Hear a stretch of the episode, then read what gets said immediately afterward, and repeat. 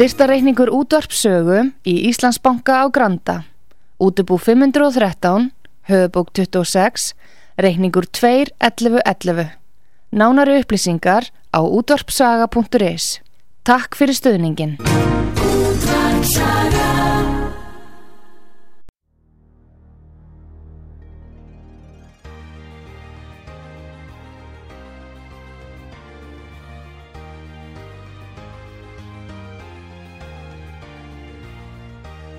Heimsmálinn í umsjón Pétur Gunnlaugssonar. Fréttir og fréttatengt efni af Erlendum Vettvangi.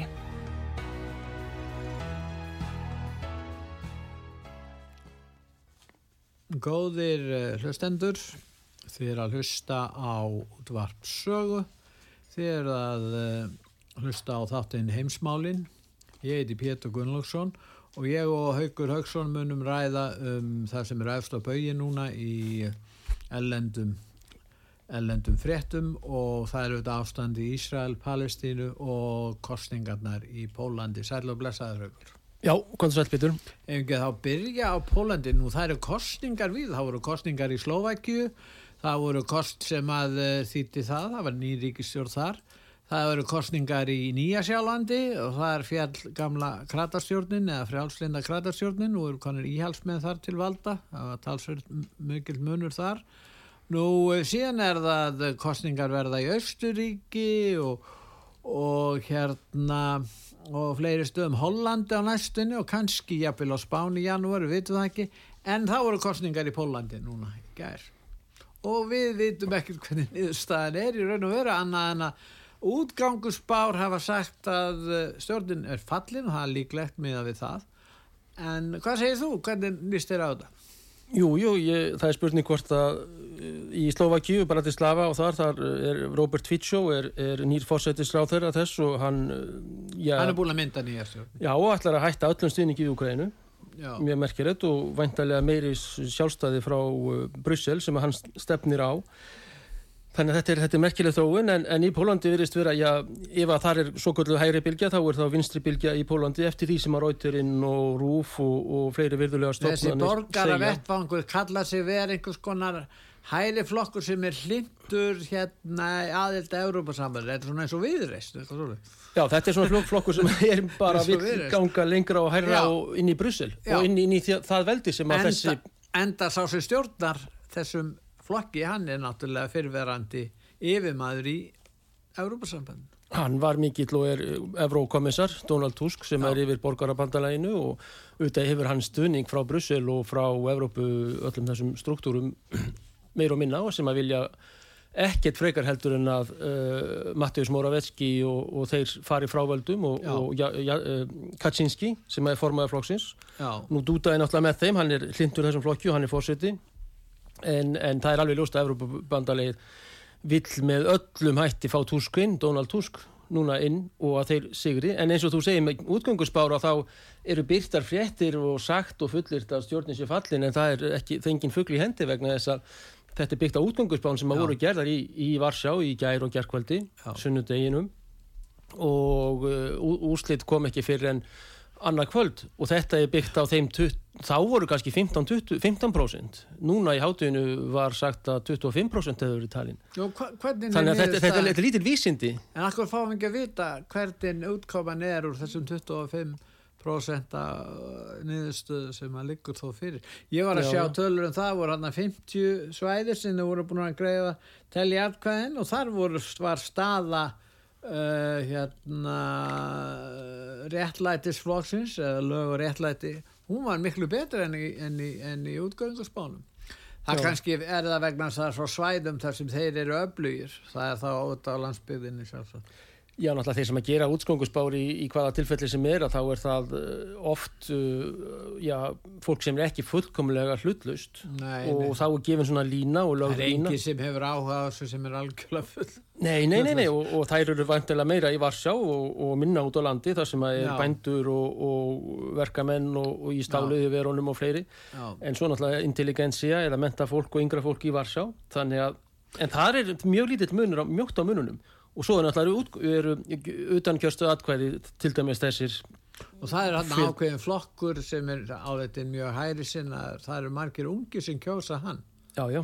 þannig að það, þetta er svolítið sérstök staða í pólskum uh, stjórnmálum að segja. Það er þessi konfederatsia flokkur sem, er, sem hann er málaður hér úrtrahægri flokkur en, en hann, hann fær lítið fylgi í, í, í hérna útgangusbám ég held að sem er 6-7% af fylgi sem er talsveit minn en það var búist við búist við þannig að það er anteglisverk hvað kemur út úr þessu en þetta skiptir verilegu máli því að ef það kemur nýríkistjórn þarna þá þá getur það skipt máli varðandi samskipti við Úkrænu og umfram allt samskiptin eins og þú bendur á við, við Berlín og Brussel.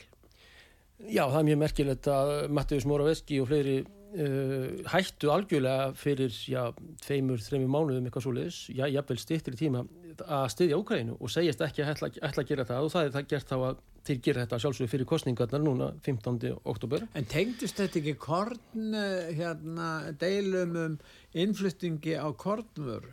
Jú, þetta tengist líka því að það eru korn og aðra landbúnaðavarir sem koma mjög, með mjög ódýrum hætti inn til Úkrænu, inn til Pólans og sem er náttúrulega mikið landbúnaðaveldi og hefur verið það Já. og það eru oft hormónar og sterar og annað í kjöti og korni og, og Monsanto ræður hérna núna öllum með kornmarkaðin í Úkrænu Þannig að pólski bændur uh, voru mjög á móti því að þetta mjög ódýra korn kæmi landleðina frá Úkrænu inn í Póland. Þannig að það er þessi lobbyismi líka með bændaflokkana og, og landbúnaðar dæmið í, í Pólandi. En það er landingliska hvernig þeir eru búin að vera hérna í 8 ár lög og réttlæti og uh, það hefur verið svona hörð gaggríni á, á þessa ríkistjórn en þegar við lítum yfir ferilinar þá hefur, hefur efnahagsástandið verið mjög gott í Pólandi og það, þessu hefur, landinu hefur verið vel stjórnað með skoðst í efnahagsmálum samanbyrðið mörg annur land og það var aðtryklusvert að það er búið að fjalla mjög mikið um þessar kostingar til dæmis í, í ríkisútvarpinu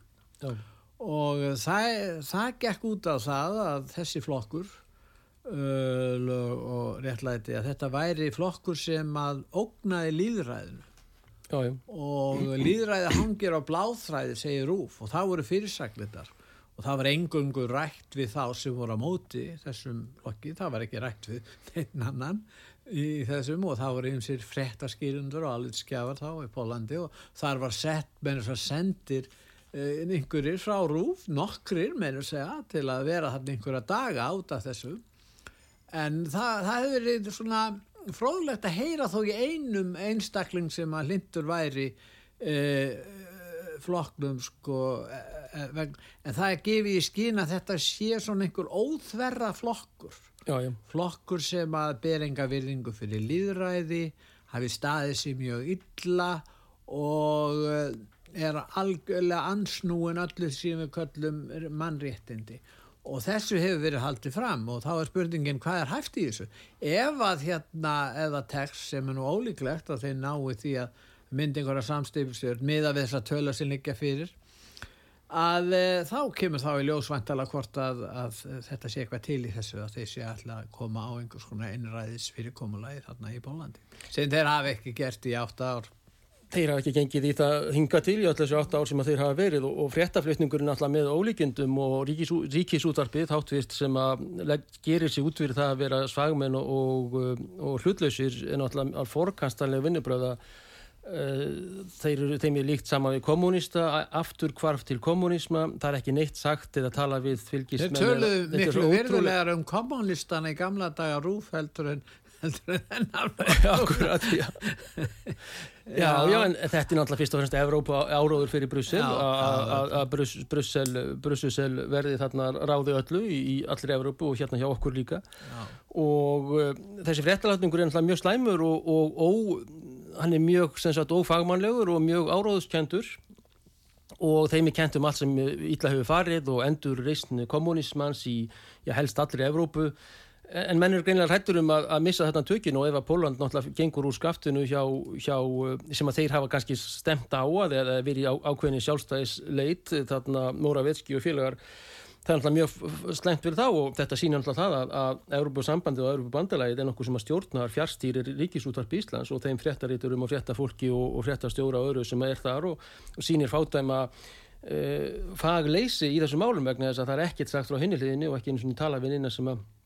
Eru á þessu og þessi áróður kommunista grílan er hér komin upp Já. og er ítt undir hana og sagt, sagt sem sagt og það er að fja- að sjálfsögur öðru nær að, að bæði Dúta, Ansei Dúta Fossetti og Mattius Moravetski Fossettis ráþeira eða, eða Kaczynski Jaroslav. Ætti sér inn í einhvern kommunism Kaczynski er, er hreitn og klár andkommunisti algjörlega og reyndar eins og bróður hans var líka sem að dó hérna í flugslýsi svo frækt var á svona Jú, jú, í Smólensk En hann þarf núna að, að Jaroslav Kaczynski og, og þeir náttúrulega vegna þess ansýtt út að hann þarf hann, eftir halva mánu að þá þarf hann að út, útnefna fórsetisráð þeirra og innan eins mánuðar frá kostningum að þá En þarf nýtt stutt ekki þinga Dúta núverandi ríkistjórn? Jú, jú, Dúta er, er í, í Já, flokki hann, telur, LF, já, hann, hann, vann að vísu naumlega en hann var kjörinn fórsiti já, það er ekkert mjög langt síðan. Já, já þannig að, að fór, ég veit ekki, er fórsita embætti öflugt í Pólandi er það svona kannski fyrst og fremst hefur það hlut, því hlutverk að gegna að reyna að ná saman ríkistjórn eins og hér á Íslandi? Það er ekki eins og Ísland, Finnland og þessi lönd, það er sterkara fórsveitaembætti sem Já. að Ansi Dúta hefur get, gengt og hann ætla sér að ná aftur því embætti og, og stýður algjörlega þennan hægri flokk eða flokk, flokk laga og, og réttlætis. Já, og það er náttúrulega 460 sæti í Seiminu, Seim er, er Þing Pólans já. Og, og uh, svo er það aldugadeildin. Ég veit ekki, hafa, er bara kosi til hennar líka núna? Þeir, þeir fengu ekki meiri hlutan þar síðast uh, laga lög og réttlæti. Þeir voru ekki alveg held ég með meiri hlutan ég veit ekki hvort þeir kannski náði meiri hlutanum í aldugadeildinu núna. En hún er nokkuð öflug. Já, já, já, já, já. En náttúrulega aðalmálið er fósettisráþurinn sem hefur verið Mattius Moraveski og, og er mjög sem sagt uh, hefur verið uh, já, nokkuð sjálfstæður og hann er þá að fara í fótspör starfsbróður sinns í Budapest nákvæmnaríki í, í Ungverðarlandi Nú hafa pólverjar verið svo þjóð í Európusambandinu og kannski í NATO líka sem að vildu eftir að uh, hérna innrásinn var innrásinn var gerð inn í, inn í Ukrænu þeir vilja, vildu styðja þessa, þessa já uh, og hafa alltaf verið miklu stundinsmenn Ukrænu en uh, og hafa haft áhrif bæði á bretana og bandaríkjaman ábyggilega. Það búa nú marg, margir pólverjar í bandaríkjanum eins og við veitum jú, jú. og þeir hafa haft ábyggilega áhrif. En núna hefur stefnan þeirra breyst þetta er um, þetta er einhvern algjör viðstúning Þetta er mjög merkilegt að þetta gerist nákvæmlega núna fyrir kostningar og, og kannski sé ekki að ganga upp eða er að ganga upp, það er spurning hvernig þessar úslit verða en, en, en eh, það er náttúrulega ljóst að, að margir pólverjar, sérstaklega út á landi og annað eru orðni leiður á þessum gríðilega stuðningi og svo flottamanna strömmnum sem að kemur frá Ukrænu og þeir hafa fengið þarna hinn besta aðbúnað og fólk hefur flutt úr íbúðum eða var flutt úr íbúðum fyrir til þess að koma flotta fólki fyrir og annað. Þannig að eh, en, en sí, á hinn bóin alltaf alveg ljóst að ef að Donald Tusk uh, nær valdum og nær að mynda nýja ríkistjórna þá mun þessi uh, fjáraustur og, og vopnaustur auka í þetta ófriðarbál og það verður au- au- ausið ólí á þá elda. En þetta er, það er, það er rétt hjá þér Pétur að þetta er merkjuleg viðsnúningur hjá uh, flokki laga og réttlætis að fjallað um sí svona að hætta bara öllum stuðningi og segjast ekki alltaf stiðja meira. Ég vegna þess að þeir voru öflugustu stuðnismenn Ukrænu vissulega, voru þeir bretarnir og já. Þjóðverjar og Ítalir og frakkar voru aldrei jafnmikli stuðnismenn Úkræni eins og pólverjarnir voru. Já, já. Það er líka talið að, að bandaríkinu og sérstaklega Pentagon hafi stemt á það og hvort að þessi stjórnarskipti, ef að þau munu eiga sér stað, eh, skipti máli að eh, mink, minka stuðning við Þískaland Já, og Þíska Bundesver og Þíska herin og gera Póland að nýr, nýju, já ekki stórveldi kannski en að Póland hefði sterkasta hér Evrópu. já það er miklu að líklegra að þeir myndi setja á laggirnar öflugan her heldur en þjóðverjarnir eins og staðan er í dag. Algjörlega og þetta var að ganga mjög upp nema, nema þeir haldi völdum að, að, og þá er það sjálfsög til höfus kvítrúsum og rúsum. Já, og þetta er plan sem að Pentagon var á fullu með að, að vopna og vopna pólska herin og koma þeim sem sagt í bara það sæti að vera öflugasti hér meginlands með stærri en er við erum eftir að sjá þróunina í Kvítarúslandi því það getur ímislegt farið að gerast þar á næstu árum og ára, ég tala um ára tök. Já, já, það er spurning hvernig, hvernig eh, pólverjar staðan- hafa nú verið að reyna að hafa einhver áhrif inn í já. útlagarnir það, ósköp. þaðan fara til Póllands. Já, já, og þeir kvítarústneska, sem sagt, hún er reyndar útleg, útlegð núna, hún uh, Svetlana Tikhanovskaja, já, en... en er eh, hún delur hún ekki bandaríkjum Nei, hún er mikið að fundum þar en hún dvelur held ég í Vilnius, Suðborg Litáans, já, Lithauga lands og, og þeir reyna náttúrulega að styrðja alla stjórnaranstöðu gegn Alexander Lukashenko já, sem heldur mjög stertum stjórnartaumin í, í Kvítarúslandi og hann hefur reyndar með sér mikinn stuðning þá alltíði fólks í, í, út í sveitunum og vesmiðunum minna í borgunum og minna hjá ungu fólki kannski sama mynd og við erum að líta á í, í Pólandi en, en fyrir vikið að þá er uh, kvítarúsneskur kvítarúsneskur yðnaður og landbúnaður í miklum blóma og það er gríðarur útflutningur á mjög hreinum og góðum landbúnaðarafurðum frá Kvítarúslandi mikið inn í Rúsland og eitthvað inn í já, Evrópa náttúrulega var að lokast út af Já. því en þeir eru frægir fyrir mjög góðar og hreinar vörur og án alls, alls þessa en er vitljós eitthvað viðski, er viðskiptabann á Evrópasamti alvarlegt, ekki Ég- alvarlegt en, en, en þeir hafa ekki sett jafn afdráttalöst viðskiptabann á Hvítarúslandi eins og þeir hafa gert gagvart Rúslandi E- ekki eins, en þeir hafa verið að ta- taka Hvítarúsland inn í þennan pakka smátt og smátt og ekki Já. síst eftir því sem að Lukashenko og Putin nálgast. Það er að Já. segja höfuborgin Minsk og Moskva já, og þeir hafa gert, nálgast hættulega mikið fyrir Póluland, fyrir NATO, fyrir Evropasambandið og, og Putin um, hefur komið núna kjarnorku flögum fyrir á uh, kvítrútnesku landsvæði og sérsveitum og auk þessi náttúrulega vagninarnir sem er enga hér uh, Jevgenis Prigosins sem að á að vera látin. það, það vakti antikli í þessari kostninga bara til Pólandi að þeir voru með þjóðaratkvæða greiðslur um nokkur mál en uh, svo aðferð að nota halvu stjórnarnarstöður að hvetja fólk sitt að taka ekki þátt í atkvæða greiðslunni því þá væri hún ekki gild Ó, já. Þannig ég veit ekki hvernig við höfum eftir að sjá þáttökuna Eh, já, við höfum eftir að sjá hvernig niðurstaðan verður úr þessum þjóðuratkvæðgræslu. Mér skilst að hafa gengið erfilega að ná tilskildu meiruluta til að það, er, það verði gild kostning. Já og þetta er náttúrulega mjög hlutlæg spurning. Ertu á móti því að ólöglegir innflytjendur verið fluttir til Pólans þúsundum saman Já, já. og af virsulega myndi ég halda að það meiri hluti Pólverja sem er Pólvand er eh, ein, eins leitasta þjóð í Európu í dag. Já, Það er sem sagt ne- eh, blökkumenn og arabar og fleiri virðulegar þjóðir eru, þú sérð í rauninni ekki á pólskum uh, götum. Þó að bætin á fundum daginn var inn í Varsjá, mæ- bætin mætti þar og þá var skipað inn f- krökkum frá með asíst og, og uh, asíst og afríst Eh, skipaði hverju. Nei, þeim, þau voru flutt sérstaklega til Pólans eða fenginn þarna krakkar til að vera á útifundi bætins Já, hver vildi það bara? og það var, það var bara einhver Evrópu eða, eða tilskipun frá Kvítahúsinu að, að, að þar væru fólk af öllum kynþáttum að fagna bætin og pólski og bandaríski fánin í gríðastórir Já, mikið já, já. lósasjó sem að bætin var þarna við og svo voru þarna brosandi börn og ég ber mikla virðingu fyrir því frá öllum kynþáttum en þetta átti kannski að representera á vondu máli Þetta på Póland skilur við að þetta var Þetta stuðningur er ákveðin blekkingir. Þetta er blekking, en það sem ég er að segja það er það að, pólverjar eru íhaldsum bændaþjóða mjög miklu leitu í katholika. Þeir vilja ekki opið landamæli. Það er þetta, þeir vilja ekki fá opið landamæri og þeir vilja ekki hleypa inn þúsundum flóttamanna sem að núna mun vissulega aukast frá Gaza.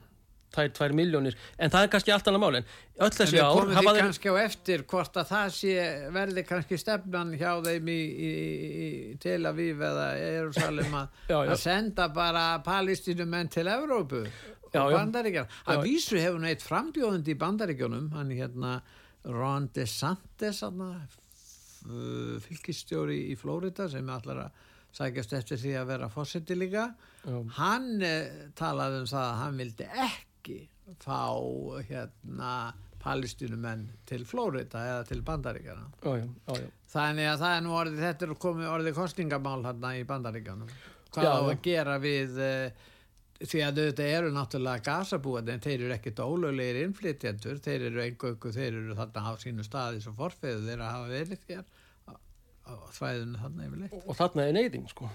En varandi hérna bara eins og við höldum línu að þá er að það að, að, að, að pólverjar eru sem sagt og hafa ekki hleyft inn. Móravetski hefur ekki gert það hans ríkistjórn En nú er búið að samþykja, Nei, nei, reg... en nú nokkurn búið að veginn. samþykja reglur í Európa-sambandinu. Þeir sem tak ekki á móti verða að greiða sektir.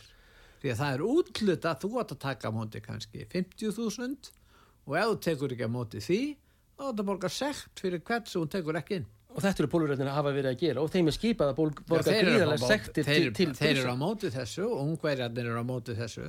Og sennilega slóvakarnir líka ég veit það ekki eftir að ég veit ekki hvernig er með Rúmeníu, Tjekkland eða, önnur lönd þarna en uh, það er ljóst að pólverjarnir eru á móti Þeir eru algjörlega á móti þessu og hafa verið það og þeir, þeir eru undir gríðarlegum sektum núna frá Brussel fyrir það að fara ekki algjörlega eftir því sem að þeim er skipað og sagt og, og vegna ég að hvað ég var að segja kannski sjálfstæðis tilburða frá er Varsjá. þetta kannski ástæðan fyrir því að svo kallaðir frjálslindir fjölmiðlar sem að eru nú kannski ekkert alltaf frjálslindir vilja einmitt nýja ríkistjórn í, Svíð, í, í Pólandi til að hægt sér að opna landamæri Pólans Ég hugsa að það sé faktor í þessu Pétur að þetta, það sé alveg rétt hjá þér. Og auðvitað þegar að, þegar að byggt frétt og e, alvarleg frétt og það er sagt að ný stjórn munin taka við að þessi hægri stjórn sé fallin og það er byggt á, á exit poll, á, á útgöngusbám Já, þá er það alltaf mjög slæm vísindi og ég kíkt á rauturinn á þann áður en ég kom. og, og, og það, þar er sagt eh, bara að, að according to exit polls. Já, og það, það auðvitað segja, eigar að segja tvísínar kostningar 52, 48, 51, 49, 50, 50 já, já. En þeir segja og þetta er ákveðin sem sagt, það er verið að leggja ákveðna línu Mm. og óskykja og áróður ákveðnu leiti en það, það er ekkit ljóst að þetta verði þannig og það, það þarf auðvitað að koma með yfirlýsingar eftir að það er búið að telja upp úr kjörkossunum og helst eftir að yfirkjörstjóri hefur uh, undirritað og stimplað protokólin En það er eitthvað þarna einkennilegt að ferðin, ég er ekki að segja að sé neitt svindl en, en þeir eru svona mjög hérna íhalsamir va- varðandi þessa, þessa talningu því að pólverjar verði ekki búin að telja fyrir en hvað annað kvöld? Annar kvöld verða að loka tölur að því að sagtir já. og þeir byrst ekki hvernig staðan er varðandi þau atkvæði sem búið er þó að telja, greiða atkvæði, þeir gætu nú sagt frá því. Já, það er mjög merkilegt ef þetta var á Íslandi þá voru fyrstu tölur að koma eftir klukkan, þú veist, 20 og er staðar er verið að segja frá því. 21.00 þá bara fyrstu tölur Já, frá já. yfir kjörstúðn í norðaustur og ef að tölurnar koma frá ákvæmni svæðu þann sem annar er sterkar þá bara sagt frá því að þessar tölur koma þaðan og, og fólk vil fylgjast með þessu jafnóðu. Mér finnst það, ákveðin líðræðisleg krafa og, og, og skapa svona meiri meiri svona, ef maður segja tröst utan um kostningar þegar að uh, tölurnar streyma bara strax eftir að búið er að loka kjörstöðum. Það ætti að vera það, bara Ha. lifandi, lifandi innkoma já, á, á, tölum og, og þá sko. sjáum við bara með Katowice eða, eða hérna Gdansk, Já. hérna Danzig áður þarna eru sjómenn og svo bændur þetta niður frá í, í, í Kraká og þar og Póland náttúrulega Varsá höfuborgin að, þá myndum við sjá e, munin á, á, byggðum landsins og, og í- meðal þessara bænda og svo uh, Það er líka bara uppfræðandi um, uppfræðandi um þjóðfélagstöðuna í viðkomandi ríki. Já, já, já, já. og þá auðvitað eru katholíkar sterkari sem eru á móti fóstureyðingum, móti innflytjendum, Já. eru núna komnir á móti því að styrkja hann um, Vladimir Zelenski afdráttalust í Úkrænu og þeir hafa fundið það, þeir hafa þefað það uppi og, og hætta þess vegna að gera þetta núna nokkru mánuðum fyrir kostninga. En það verður ekki sagt að, að, að pólverjar viti ekki um ástand í Úkrænu því að almenningur er sannlega búin að kynast því. Það hafa miljónir Úkrænumanna komið til Pólans, verið, það- eru þar áfram en aðrir fara annað. Þannig að þeir, það er engi þjóð sem þekkir eins vel til ásta, ástandsins í Úkrænu eins, og- og, og pólverjar fyrir þetta náttúrulega Úkrænumenn og rúsana náttúrulega. Já, ég svo líka þetta sem ég rætti við Artrú, Artrúði í uh, sumar og eitthvað, þá, þá er það uh, talið og ég held að veri mjög áhugavert að sjá hvernig uh, stjórnvöldi Varsjá hafi, já, skulum segja bara áhuga og appetít í því, uh, góðan og mikinn uh, hérna matarlist í að taka yfir vestustu héruð Úkræninu. Og þetta eru héruð, Pétur, sem að þeir missa 45 Já. vegna þess að Stalin, uh, Roosevelt og Já. Churchill þeir hittast þarna í Jalta, Potsdam og, og Teheran og draga þessar línur, þeir sitja þarna Roosevelt með vindilinn og allir með blíjant eða penna í hendi og draga þessar línur. Og Póland er fært Til. til sem sagt þannig að þeir missa, það er fært, fært mjög mikið í vestur og þeir taka Danzig sem er uh, Gdansk og Gdynia og, og Mm. En allt það missa austur hér Missa til Lvov Sovjetríkja. til Sovjetíkina, til Sovjet-Úkrænu Já. og núna er komin, já, það er einhver Þeir vilja fá þessi svæði aftur. vissulega og þetta er ekki með 80 ár sem að þau, það er ein, ein kynnslóð sem að þetta fólk var Sovjet-Úgrænumenn svo fyrir En 30 árum tala þeir ymsir pól, pólsku þar, veistu það? Það er pólski skólar og pólsku sagt uh, diaspora sem Þeir eru katholikar þar. Já, já, mikli katholikar, Já. mikli katholikar og, og í vestur Úkrænu er fallegasta borg Pólans sem heitir Lvov Já. á pólsku og rúsnesku og Lviv á, á úkrænsku og það eru fjöldi fólks þar sem að vil hreinlega bara fara aftur heim til Pólans og vera í Pólandi og, og vissulega þá inn í Europasambandinu með öllum þeim styrkjum Já. og ekki síst fyrir þetta landsvæði sem að mun fá gríðarlega styrki ef þeir fara inn í, inn í.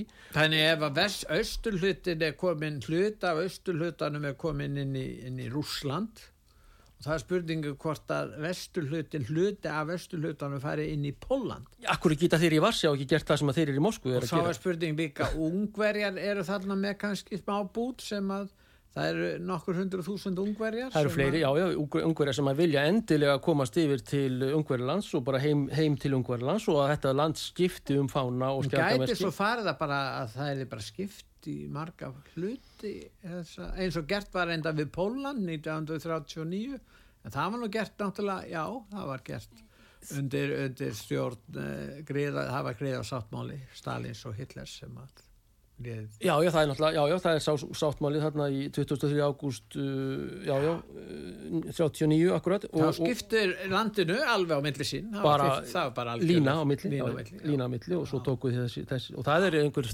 fjórða, þriðja, fjórða skipting Pólans og í, það, í sögunni. þessi skipting auðvitað hefur gífulega áhrif á pólveri enn þann dag í dag ég tala nú ekki um eldri kynslu Já, já, Pólandi, eins og ég segi, þá hefur því verið skipt upp uh, í fjóru sinnum með mann eftir allavega þrísverði alveg lá, lá, lámark í þessu Já. og, það er það stóri nágrannin, Rúsaveldi, Sovjetríkin í austri og svo þjóðverðarnir í vestri. er svo svona hafa, já, fyrir ekki, já, og svo margt sem hefur gerst þarna. Við erum til dæmis að sjá ástandi núna í hérna í hérna Gaza á Gazasvæðinu. 1943 þrjú, þá átti því stað í aprílmánu uppreist gýðinga já, já, í Varsjó gettóinu. Akkúrat. svakaleg uppreist sem þeir gerðu til þess að, að reyna að, að, að hérna, og það létust mjög margir já, já, og það var búið að loka svona hver kerfiða, hver viða þannig að pólverjar hafa náttúrulega gengið í gegnum svo margt á síðustu öll já, það er það var gríðalegt, ríkalegt dráp þarna í og það Varsjá. er núna fyrst á síðustu árum undir styrkri stjórn hvað sem skoðan sem menn hafa á þessari stjórnarflokk, þá hefur efnahagsástandi farið mjög batnandi. Og þessi koman til Pólans í dag sjá að það er ekkit ólíkt öðrum ríkjum í Vestur-Evrópu. Hvað var það lífskjör og ymislegt fleira? Já, já. það hefur batnað það verulega. Já, já, Pólverja vilja vissulega vera í eh, þessum ve- vestræna og Evrópu, innan Evrópusvæðisins. Það, ég meina, það er alveg klostmála að þeir vilja vera með Þískalandi og Tjekklandi og þessum löndum í líði og ekkit engin mjög... þeir hafa ekkert að móti því að Kvítarúsland færi þarna inn í þetta þeim. en eru þeir með þá? Þetta er í raun og veru er þetta ekki svæði það er ekki bara svæði í Úkrænu er ekki eitthvað svæði í Kvítarúslandi líka? Þeir misti yfir þegar að, að stórveldin í, í stríðinu, síðara stríðinu ákvað að, búa til og tekna upp landamæðinu þarna á östusvæðinu Jú, jú, það eru í ve- vestustu hér um Hvítarúslands Brest, til dæmis borginni meðan Já. á lest þarna á milli, að uh, þar eru mikið af katholikum, Já. mikið af pólverum og mikil pólsk áhrif og uh, það hafa einhverjar rattir verið þar meðal uh, þeirra sem er að móti Lukashenko og þeirra að, að það þurfi að skoða, end, endur skoða einning landamæri Hvítarúslands og Pólans. Já.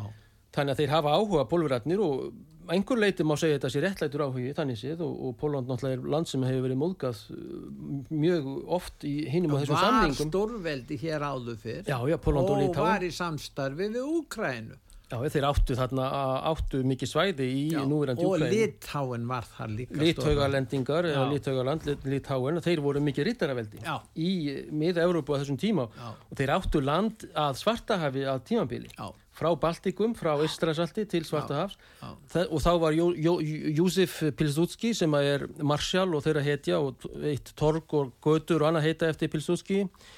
Að að Mósi á Mósi, það er sem sagt frá hafi til hafs er hans blöyti draumur um að Póland verði össu, að sjálfsögðu við Ístrasalti í norði. Já. en síðan takið haf við Ódessu og þessar stórborgir í, í núverandi Úkræðinu vegna þess að einhver tíma nátti Póland þetta svæði. Já. en öll Evrópa, er, þetta, þessi landamaradeilur þessi stríð, allt þetta blóð í Evrópu og þessi hernaðarsaga er náttúrulega gríðarlega merkileg. Já, góðir hlustendur, er að hlusta á útvart sögu heimsmálinn. Ég heiti Pétur Gunnlaugsson og við Haugur Haugsson erum að ræða um það sem er efst á baui í ellendu fréttum og við varum að ræða um ástandi í Pólandi og atbyrðið sem tengjast eh, kostingunum og ástandinu þar en eh, eftir frétt, eftir hérna auðlisingar þá munum við fjalla um ástandi í Ísrael og Palestínu og en nú skulum við hlýða á fréttinnar og eftir byrstingu þeirra þá höldum við umræðinni áfram.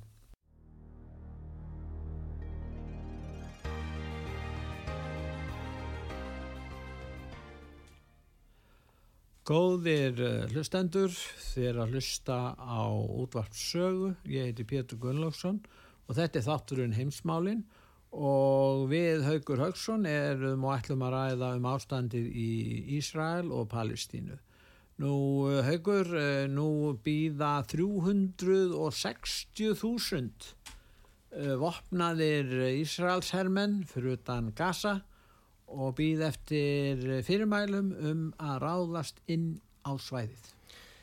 Þetta er náttúrulega skjálfverð ástand Peturs sem, sem að er að eiga sér stað hérna og uh, hrikalegt blóðbað vafalust í uppsiklingu hvernig sem að þetta fer en, en ég held sem ég merkilegt í, í þessum máli er það að við erum núna á hvað tíunda Nei, meira. Já, níunda degi. Eitthvað er rétt. uh, átakana og ef að Ísraelsmenn hefðu getað uh, gengið þess aðgerð þá hefðu það verið uh, best s- strax.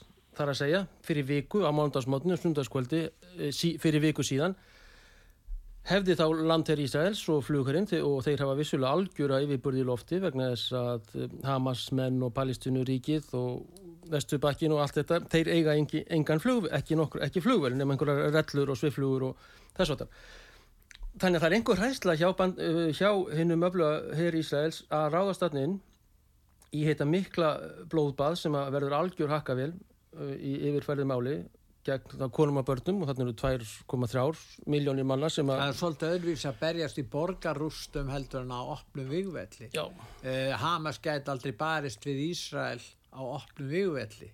Það væri bara sjálfsmorð. En þarna geta þær komið sér fyrir í rústunum og valdið Ísraelsmönnum miklum skad. já og þá er það maður á mann gegn, uh, gegn uh, fótgönguliði Já.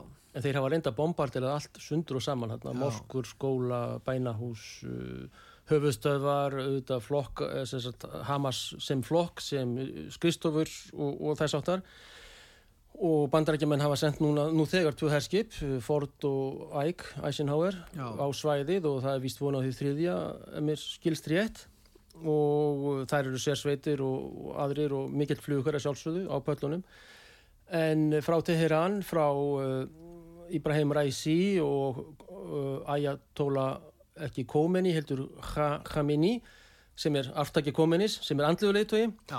þá segja þeir klerkarna stjórnin þessi undarlega og förðulega og sterka vissulega í ungu ríki og sterku og vaksandi Íran Já. við munum, þið munum sjá eftir þessu mun, við munum bjar, blanda okkur í málið á fullum krafti Hvernig gætur, þeir myndi ekki, þeir hafa engan flug hér til þess, þeir eru þá að fara landvegin yfir Írak inn í þá Palestín. Já, Gegnum Jórdan þá og bara já í Írak og svo Sýrland Já, svo Sýrland, já. Þeir hafa góð samskipti við Sýrland. Þeir gætu Já. farað þeir gegn, gegn Gólanhæði þá eða þar. já, já og, uh, og uh, það er auðvitað það talið að, að því sterka persaveldi sem er núna í Íran eða Íransveldi að þeir einhver leiti þeirra hönd hafi staðið að baki þessum óvæntu árásum á, Þeir neita því. já, þeir gera það allan en þá En hinnir segja að það sé örugt. En þeir, það er spurningu sönnuna gögn. Þeir hafa alltaf verið að þjálfa menn frá þessu svæði. já, já, já, já og skipur að einhver leiti þess að Já. gríðalega öflugu, óvæntu og ótrúlega vel hefnu innrás inn í Ísraelsíki þarna söður Ísrael um, um daginn fyrir þessum tíu dögum næstu því. Og, og að þeir ætli sér ákveðna mjög stóra hluti og þeir hafa ekki viðurkent um, Ísrael og mun ekki gera það og ætla sér ekki að gera það þá stendur ekki neitt hjá, til hjá þeim. Nei. og, og síðan betur að þetta sé ákveðna sættir og þá, þá er það mjög merkilegt að vann í auðvitaðrikisráð þeirra Kína, Kínaveldis, það er aldrei minnst á vann í auðvitaðrikstáða Kína eða Sergei Lavrov hjá ákveðni fréttastofu sem er greinlega stjórnað af Antonín Blinken sem að, þeir alltaf tala um sín, sín vinn Antonín Blinken. Já, já. auðvitað hafa bandar ekki mikið að segja en Kína og Rúsland hafa mikið að segja líka þessu Arababandalagið og mennir að funda bæði í Moskú og Peking. En ákveðin fréttastofu er, er svona með þennan auðmingjaskap og annan og flest, flestir íslenski fjölmiðlar og ef að 2000 Arabar eru drefnir e, þá, þá er sagt e, e, Hamas myrti 50 Ísraelsmenn síðan er sagt 2500 palestínumenn hafa hins vegar látið lífið. fjallu, auðvitað er þetta morða báða bóa og morgunblæðið og annað, þetta er ótrúlegt þetta, en svo ég haldi mig við línuna Pétur að þá, þá uh, er það alveg ljóst að, að, að Íranarnir eru stert og öflugt veldi og, og þessar sögulegu sættir sem að vann í uh, utanrikiðsláða Kína núna er að gera með því að koma Al-Riyadh og Teheran saman og að menn sé opna á sendir á því þessum miklu fjandsumu ríkjum höfustöfum s- fyrst Shia, Shia í, í Teheran og svo Sun, sun já, í, í Sátuna það er nokkuð sem að menn kannski hafa hort framhjá sem að er síðan er það symbolísk aðgerð að, að allur Arabaheimurinn síjar og súnítar sem hafa barist á banaspjótum víða muni núna saminast gegn Ísæl og, og bandarækjunum kannski líka. En Íran, ég held að þeir og svo náttúrulega sátarnir að þeir eh, er ekki á því núna að, að fara vingast full, fullkomlega við eh, fólkið í, í, í í, í Sátiarabíu Salman Prins og fadir hans og fleiri þannig þetta held ég sé faktur í þessu En sem spyr- mikið áhugjöfni fyrir vestrið mér, hvað gáttu Ísraelsmenn gert? Það eru hriðjuverk, það er verið að drepa þarna saklust fólk. Uh, nú, hvað gáttu þeir gert? Nú, þeir fari í þessar refsi eða hemdar aðgerðir eins og Netanyahu bara kalla það reynlega út. já, já. Og skilar það, e- ef nú vantala verður gasa lögð í rúst, ég held að það sé nokkuð ljóst. Tímið er maður búast í og því maður já. búast við því og, og hérna margir er eftir að falla. Og þeir eru að tala um að drepa alla Hamas uh, liða og þá verði þeir ekki lengur til og þá verði bara friður þarna áfram. En uh, það kann nú að vera að þeir séu ekki bara að drepa hérna Hamas liða, þeir eru líka að búa til Hamas liða og það má kannski gleymist að, að sko múslimski heimurinn er það stór og fjölmennur að þarna muni maður búast við því að þegar átökinn halda áfram með þessum hætti þá muni mjög margir almenningur, ekki ríkistjórnir í þessum löndum en, en þarna bara við getum tekið löndi eins og Pakistan og Indonesia, Bangladesh og, og Nigeria fyrir utan náttúrulega Arapalöndin og Íran og, og þetta er, þetta er bara í þessum löndum sem ég talt upp miljardur manna Já, já, og þetta horf, fólk horfir á sjónvarp. Ég meina fátækt fólk í heiminum horfir á sjónvarp og sér hans myndi þetta er einlega ódýrasta skemmtun. Já, akkurat. Já. þannig að menn bara gera sér grein fyrir því að, að samúðin kann að vaksa en þá meira. Þannig að þetta verður erfiðara en erfiðara að fást við þetta. Að þá er spurningi hvað ég gátti gert.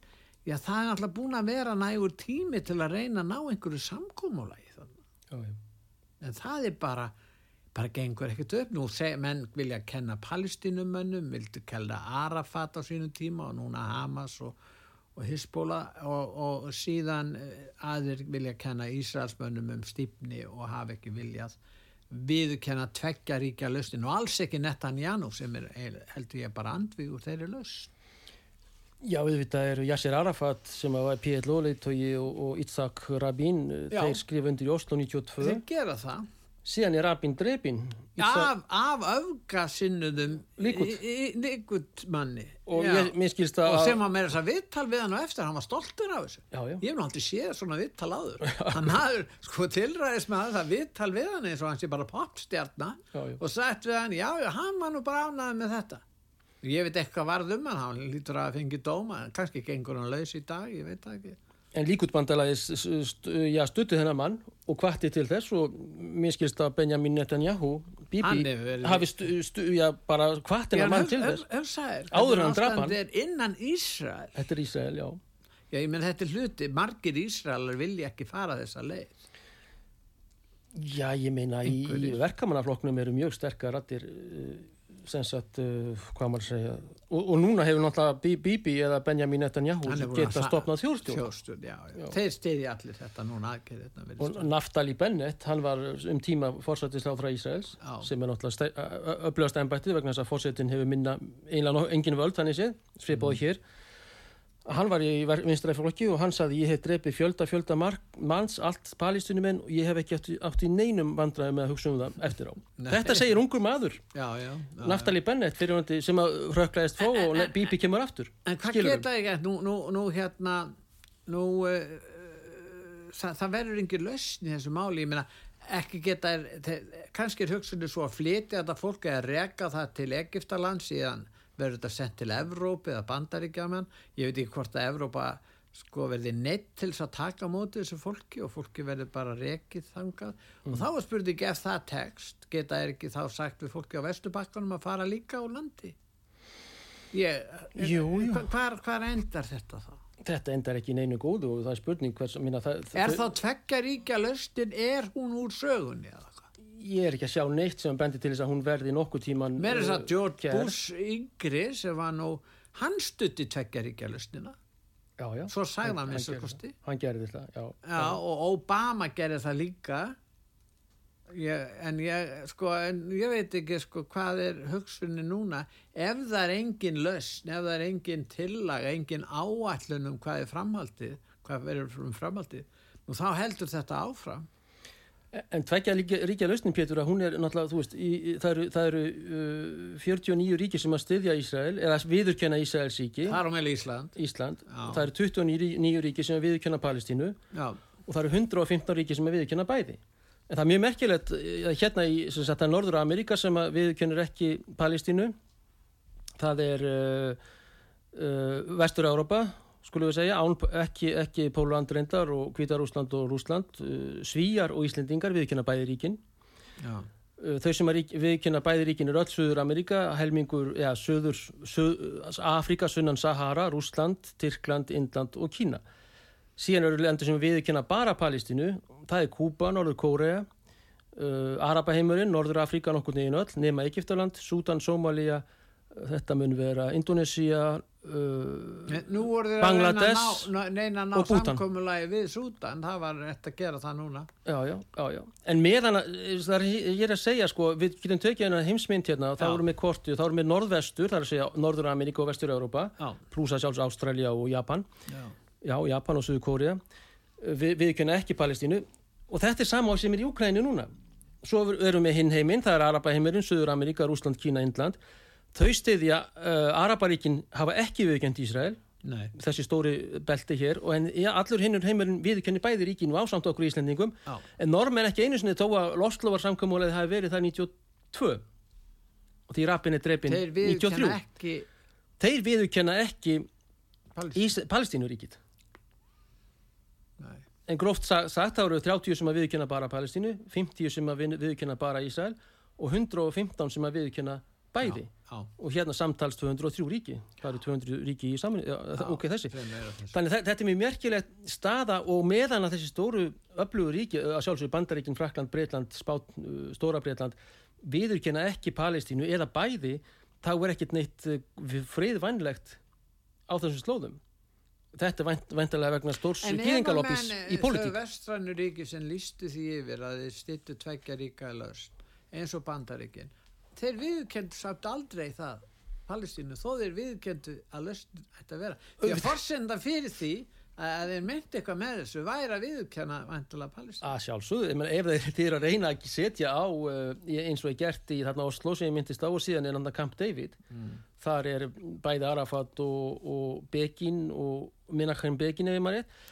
Og var ekki Carter sem kemur því á 78-9 kannski Já, var, já, var eitthvað já, var það Carter ekki- var í, var í. Camp David En, en, en neða, var það ekki Bill Clinton? svo er Clin- Clinton Já, og, og, og svo er, koma normennir inn í þetta og þetta heitir Oslo Accord Já. eða Oslo samkómulagin Það, sko. og þeir eru ekki, og sjáðu um normennin á Oslo, þeir viðkenni ekki einu svona Ísraelsíki en eru með tveggja líka lausnina heima hefur sér í föðuborginu og, og samkómulagið heitir eftir Oslo Já, og Ísland og Svítjóður einu Norðurlandalöndin en auðvitað er þetta tvískinningur það sem ég er að reyna að segja með diplomatíunni að þú viðurkennir ekki tve, tvö ríki Nei. bara hitt á þessu svæði en ert samt að reyna að koma á tveggja, ríkja, ríki, tveggja þjóðastjórn í einu og sama landinu skilur Það sem menn óttast núna er að deilan stigmagnist og þá erum við að tala um að það verði ráðist inn, það verði átök í norður Ísrael eða á landamærum Líbanon og, og Ísrael. Nú ef að Hisbóla fara þar inn þá má búast við árásum uh, Ísraels á Líbanon. Þá er Líbanon komin inn í þessi átök líka. Aftur, já, já. Síðan er það Sýrland, það eru gólanhæðir Jú, jú. og nú hafa Ísraelsmenn verið að sprengja flugvelli eh, bæði í Damaskus og Al Aleppo held ég líka Jú, og af hverju og það er spurningin af hverju ekki ekki það Hamas notfært sér flugvelli þaðan er það vegna sér hrættur um að Íran gæti nýtt sér þess að því að það, það eru tenging þarna á milli Sýrlands og Íran og þeir gæti þá hugsalega notfært sér flugvellina sem eru nálagt Ísrael eins og í, í Sýrlandi. Og þar er gæti verið síðan er spurningu vesturbakkan og þar eru átök að byrja. Það er að segja að það verið að drepa á báða bóa sérstaklega hafa margir palstinumenn verið drefni núna. Og uh, þannig að við erum að tala um viglínur ekki bara í Gaza, það er á Vesturbakkanum það eru Gólanhæðurum frá Sýrland og kannski með stöðning í Íran og svo er það Hisbóla í Líbanon. Þetta eh, gæti stigmagnast og er í raun og verið að gerast virðist núna, held að um leið og fótgönguliði fer þannig inn í Gaza þá er ekki ólíklegt að þetta fara á stað. Hvað segir nú það? Já, þetta vona all, allt heilbriðt fólk nema ákveðni ræðlar að, að það verði samningar og að menn setjist nýður það Erdogan verði vopnal hér já, já, já, og og viðræður friðar ráðstefna akkur var aldrei friðar ráðstefna heimsins um þetta mál Nákvæmlega, nákvæmlega og, og, og það eru sem sagt bæði rússar kynverjar, Erdogan var í eh, Peking, Já. uh, rússar er, er að fá þarna háttsetta leittuga heim til sín og forman Arababandalagsins og fleiri, nú hafa en rússarnir alltaf haft góð samskipti við Ísrael mjög góð eftir Gorbatsjov. það, vilt alltaf verið góð samskipti og alltaf það er ekki að ræða samskipti og Bandaríkjan og Ísrael Já, þau já. hafa alltaf verið mjög góð og, og síðan eru Tyrkirnir svona, þeir hafa haft sæmlega samskipti við, þannig það er ekki eins og að það séu uh, hérna eins og talaðir um að það séu svo margir óvinnir Ísraelsmanna út um allt. Það er nú ekki alveg rétt. Nei, nei, ég meina Tyrkir og Jórdanir og, og. Egiptar viðurkenna bæði ríkin, bæði ríkin og reyðu búin að eiga viðskipti við þá. Vi- viss, vissulega, vissulega. og núna jafnvel sátarnir og saminuð fyrsta dæmin og Katar er nú að reyna að ganga inn í gangast fyrir einhverju samkómulagi og vera milliliður. Þó að það sé nú smáríki þá er það eh, áhrifaríki vegna fjármunna Já, já, það, er nú, það er nú reynilega þannig. En uh, svona er ástandið og þá er spurningu með stigmögnun hvað, hvað er líkur á og hvað er líkur á núna Auðvitað ef að Íranir geta sendt menn í gegnum Írak og Sýrland sem er beitt landvegur að uh, miðurarhafinu og þá er la landamæli þar bein að, að Líbanon á við. En væri líka. ekki skynsanlegast af Ísrael ég menna að reyna að ná samkómulagi reynilega vegna þess að þeir hafa treyst á bandaríkin. Nú er einangruna stefna fyrir vaksandi í bandaríkjum.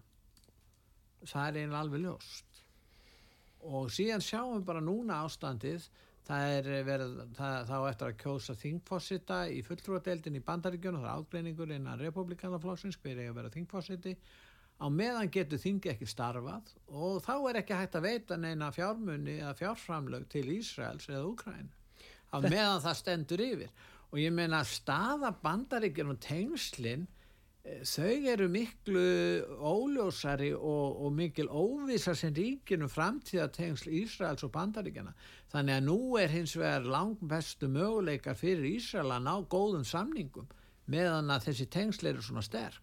Því ef að þau myndur opna þá væri Ísrael komið í mjög slæma stöðu Já, já, ég held að Ísrael fyrst og fremst að bæði hernaðilega og efnaðislega það er þeim haldið upp eða bandarækjumanum. Já, ég meina það ef að þeir, sko, ég sér meða við, við þessi sterkust stöðu núna Já, Við vitum ekki hvernig þetta verður í framtíð. Einangrunarstefnan í bandaríkjanum hún fer vaksandi hvort sem að Trump nær völdum á næsta ári, þá eru bara öldungadeildin og, og, og þingmennir það er viðhorf spreyting hjá þeim. Þannig að, að það má búast við því að, að það verði breytt stefni utaríksmálum í framtíðin Já, við þurfum líka náttúrulega að taka hefði gríðilega sterkar gýðingaloppi í bandarækjunum í, í veiskiptum, pólitík og, og fjölmiðlum. Já, það geti vext þá ef að, ef að staða, ef að stjórnmálinn veikast í band, breytast í bandaríkjanum. Já, já, sínáttlega uppgangur uh, muslima, þetta er Já. sá uh, flokkur eða Það verða fjóð, fleiri múslimar í bandaríkjanum en geðingar í framtíðinu. Alveg klárlega, alveg Það klárlega. verða að gera sér grein fyrir því. og svo ef að BLM ætlar að fara að ísa upp og BLM er á bandi palestinumanna og an- anti-Ísrael og það er Já. Black Lives Matter, Já. Matters Já. uh, Og minni hluta hópandir í bandaríkjanum hluta Ef að að það- stýja þeir uh, í Palestínu. pal, pal, pal, og, Já, og, og, og það eru þegar byr, byrjað að brenna fána og svo eru Já. Ísraelsmenn hinum megin götunar og lauruglan einum megin Já. í þessum st- stórborgum og náttúrulega New York er mikil gýðingaborg og, Já. og, og margir þessara öfgagýðinga eða öflugu eða hvað sem maður að segja eru, eru e, e, mitt þar Já. Þannig að þetta er nokkuð sem, er- nákvæmlega sem að þú segir að, að, að þeim fjölga mun mun meira heldur en bæði Ísraelsmönnum og svo uh, Evró, Já. Sem sagt, uh, Caucasian, eins og það kalla, sem er hvítir eða Evrópu, af Evrópukinni, Já. sem má segja. Þannig að eftir, eftir, þú veist, eftir 10 ára, eftir 20 ára, þá, þá verður þessi mynd breytt og, og kannski mun það bre- bre- breytast og hvort að Ísrael verði þá á kortinu, þá er líka spurning. En það verður þá með öðrum en strápum, Já, en en, en, auðvitað eru, Arabalöndin er að styrkjast, því miður, Þú, þú reynir að ná bestu samningum á besta réttum tíma, ekki rétt. Já, já. Sko þeir virðast, mér finnst einhvern veginn að Ísrael líti bara svo á að með því að hafa öflugan her, með því að brjóta niður alla anstöðu, drepa alla hamasbyrn sem við segja, þá halda þeir að þeir séu að leysa vandamál til frambúðar. Það er held ég eins og, eins og staðan er, það manni finnst það nú frekar ólíklegt. það er nokkuð sem hefur ekkert verið gert og þessi tveggja ríkja laust sem að var uh, samþygt að það hefur aldrei verið neitt gert úr henni af hálfu til. Aviv, af hálfu stjórnvalda í Ísrael Nei, og þá erum við fyrst og fremst að tala kannski já, um þrengingu og þrengingu að palestinumannunum og svo þessa landnema svo gölluðu eða landtökubygðir í, á vestubakka Jórdanar. Og er aukast og aukast og stækka og stækka og þeir hafa bara hægt á þessa papýra en maður má segja eins og er sko Netanyahu sérstaklega og það fólk. Nú hefur hafa rússarnir áhrif í Sýrlandi. Þeir hafa gott samband við Assad sem að hjælt völdum er einhverja líkur á því að rússar muni samþykja það að sýrlendinga fara að skipta sér af þessu? Er ekki líkur á því að rússarnir myndi reyna að segja við sýrlendinga komið ekki nálægt þessu? Hver hvert er hitt mat á því? Þýstir sýrlendinga í það að fá gólanhæður tilbaka sem voru herrtegna en 67 þeir eru búin að innlima það Ísraelsmenn inn í Ísrael held ég. Jú, jú, ja, þeir eru er, búin að káka þannig að, að, að, að það er annar mál en, en ég veit ekki hversu fólk í Damaskus og Bashar al-Assad uh, hafa áhuga á slíku Nei, út af af samúð með þeim. Þeir eru örugglega hleypa þarna hér í gegn og myndu örugglega he- hleypa írunum byltingaverðinum og líðveldisverðinum í, í gegn þarna. En hversu þeir hafa áhuga á því að fá uh, reyndar er, er að fá yfir sér sprengjurnar uh, frá Ísæl á friðar og ófriðatímum núna á, á ólíklistu tímum. Þá voru menn að sprengja þarna upp úts- útskriftir í herskólum og flugvöldurinn í Aleppo var sprengtur upp Já, af Ísraelsmönnum fyrir stuttu já, auðvitað gera er við hann, það er bara malbyggunaflokkur sem að fer þarna Já, já. og valtarar og, og heilt gengi sem að laga það en eru rússarnir, þeir- eru, já, þeir eru stuðinsmenn, já En akkur eru þeir að ráðast á sílendingum? Ég minna þeir eru að taka samt þess að það er eins og geðingarnir telja að þeir hafi svo mikla yfirbyrð og stöðu hernaðanlega á svæðinu að þeir geti lift sér upp. Það er nokkuð Pétur sem ég held að sé að brey- breytast mjög mikið og uh, þetta kom auðvitað mikið í opnaskjöldu og þeir hafa haft algjörlega yfirborði og miklu meira skipulagslega séð hafa þeir Já. verið í 6. stiðinu, Jom Kippur 73 Já, vegna þess að þetta voru herstjórnir í Damaskus, Jórdaníu, Sýrlandi, Egiptalandi, óregla, óreiða á skipunum en það er spurning hvort þessi Wagner-skóli hafi eitthvað uh, hjálpað Hamas núna vegna þess að Wagnerarnir eru gríðilega sterkir í allri Afríku. já, Það vakti líka mikla að tegli hvað þetta var velskipulagt og mikill ægi á þessum mönnum og það er enginninsmerki Wagnerana. já. Bakkgýr er ekki til, ekkert bakk, þá er þú bara drefst Það geta þarna. verið að þeir hann séu komnið satt inn. Það er nefnilega spurning og hversu margir En negrar... myndi þá rússarnir samþykja það? Ég menna þeir væri nú ekki þippnir af því í Pútín að, að einhverjir vagnliði væri konar á, á farin að taka afstöð í þessu máli. Sjálfstæði En þeirra er spurning. að, þá eru þeir keftir, þetta er málaliða hér.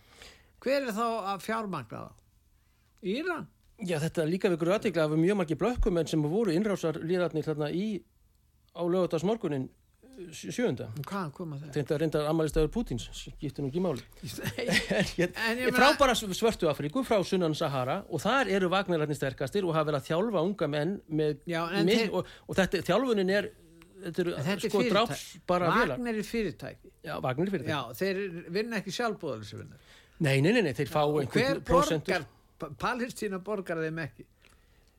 Vafalist ekki, þá er þetta kannski, já Það er engin auða við þetta sem geta gengið aðeins og í því Afríku, þar sem er af aðganga námum og fleiri Mhm. möguleikum og velmætum. Þannig að ef að þeir eru komnið þangað, þá, hérna, þá er einhver á bakvið það.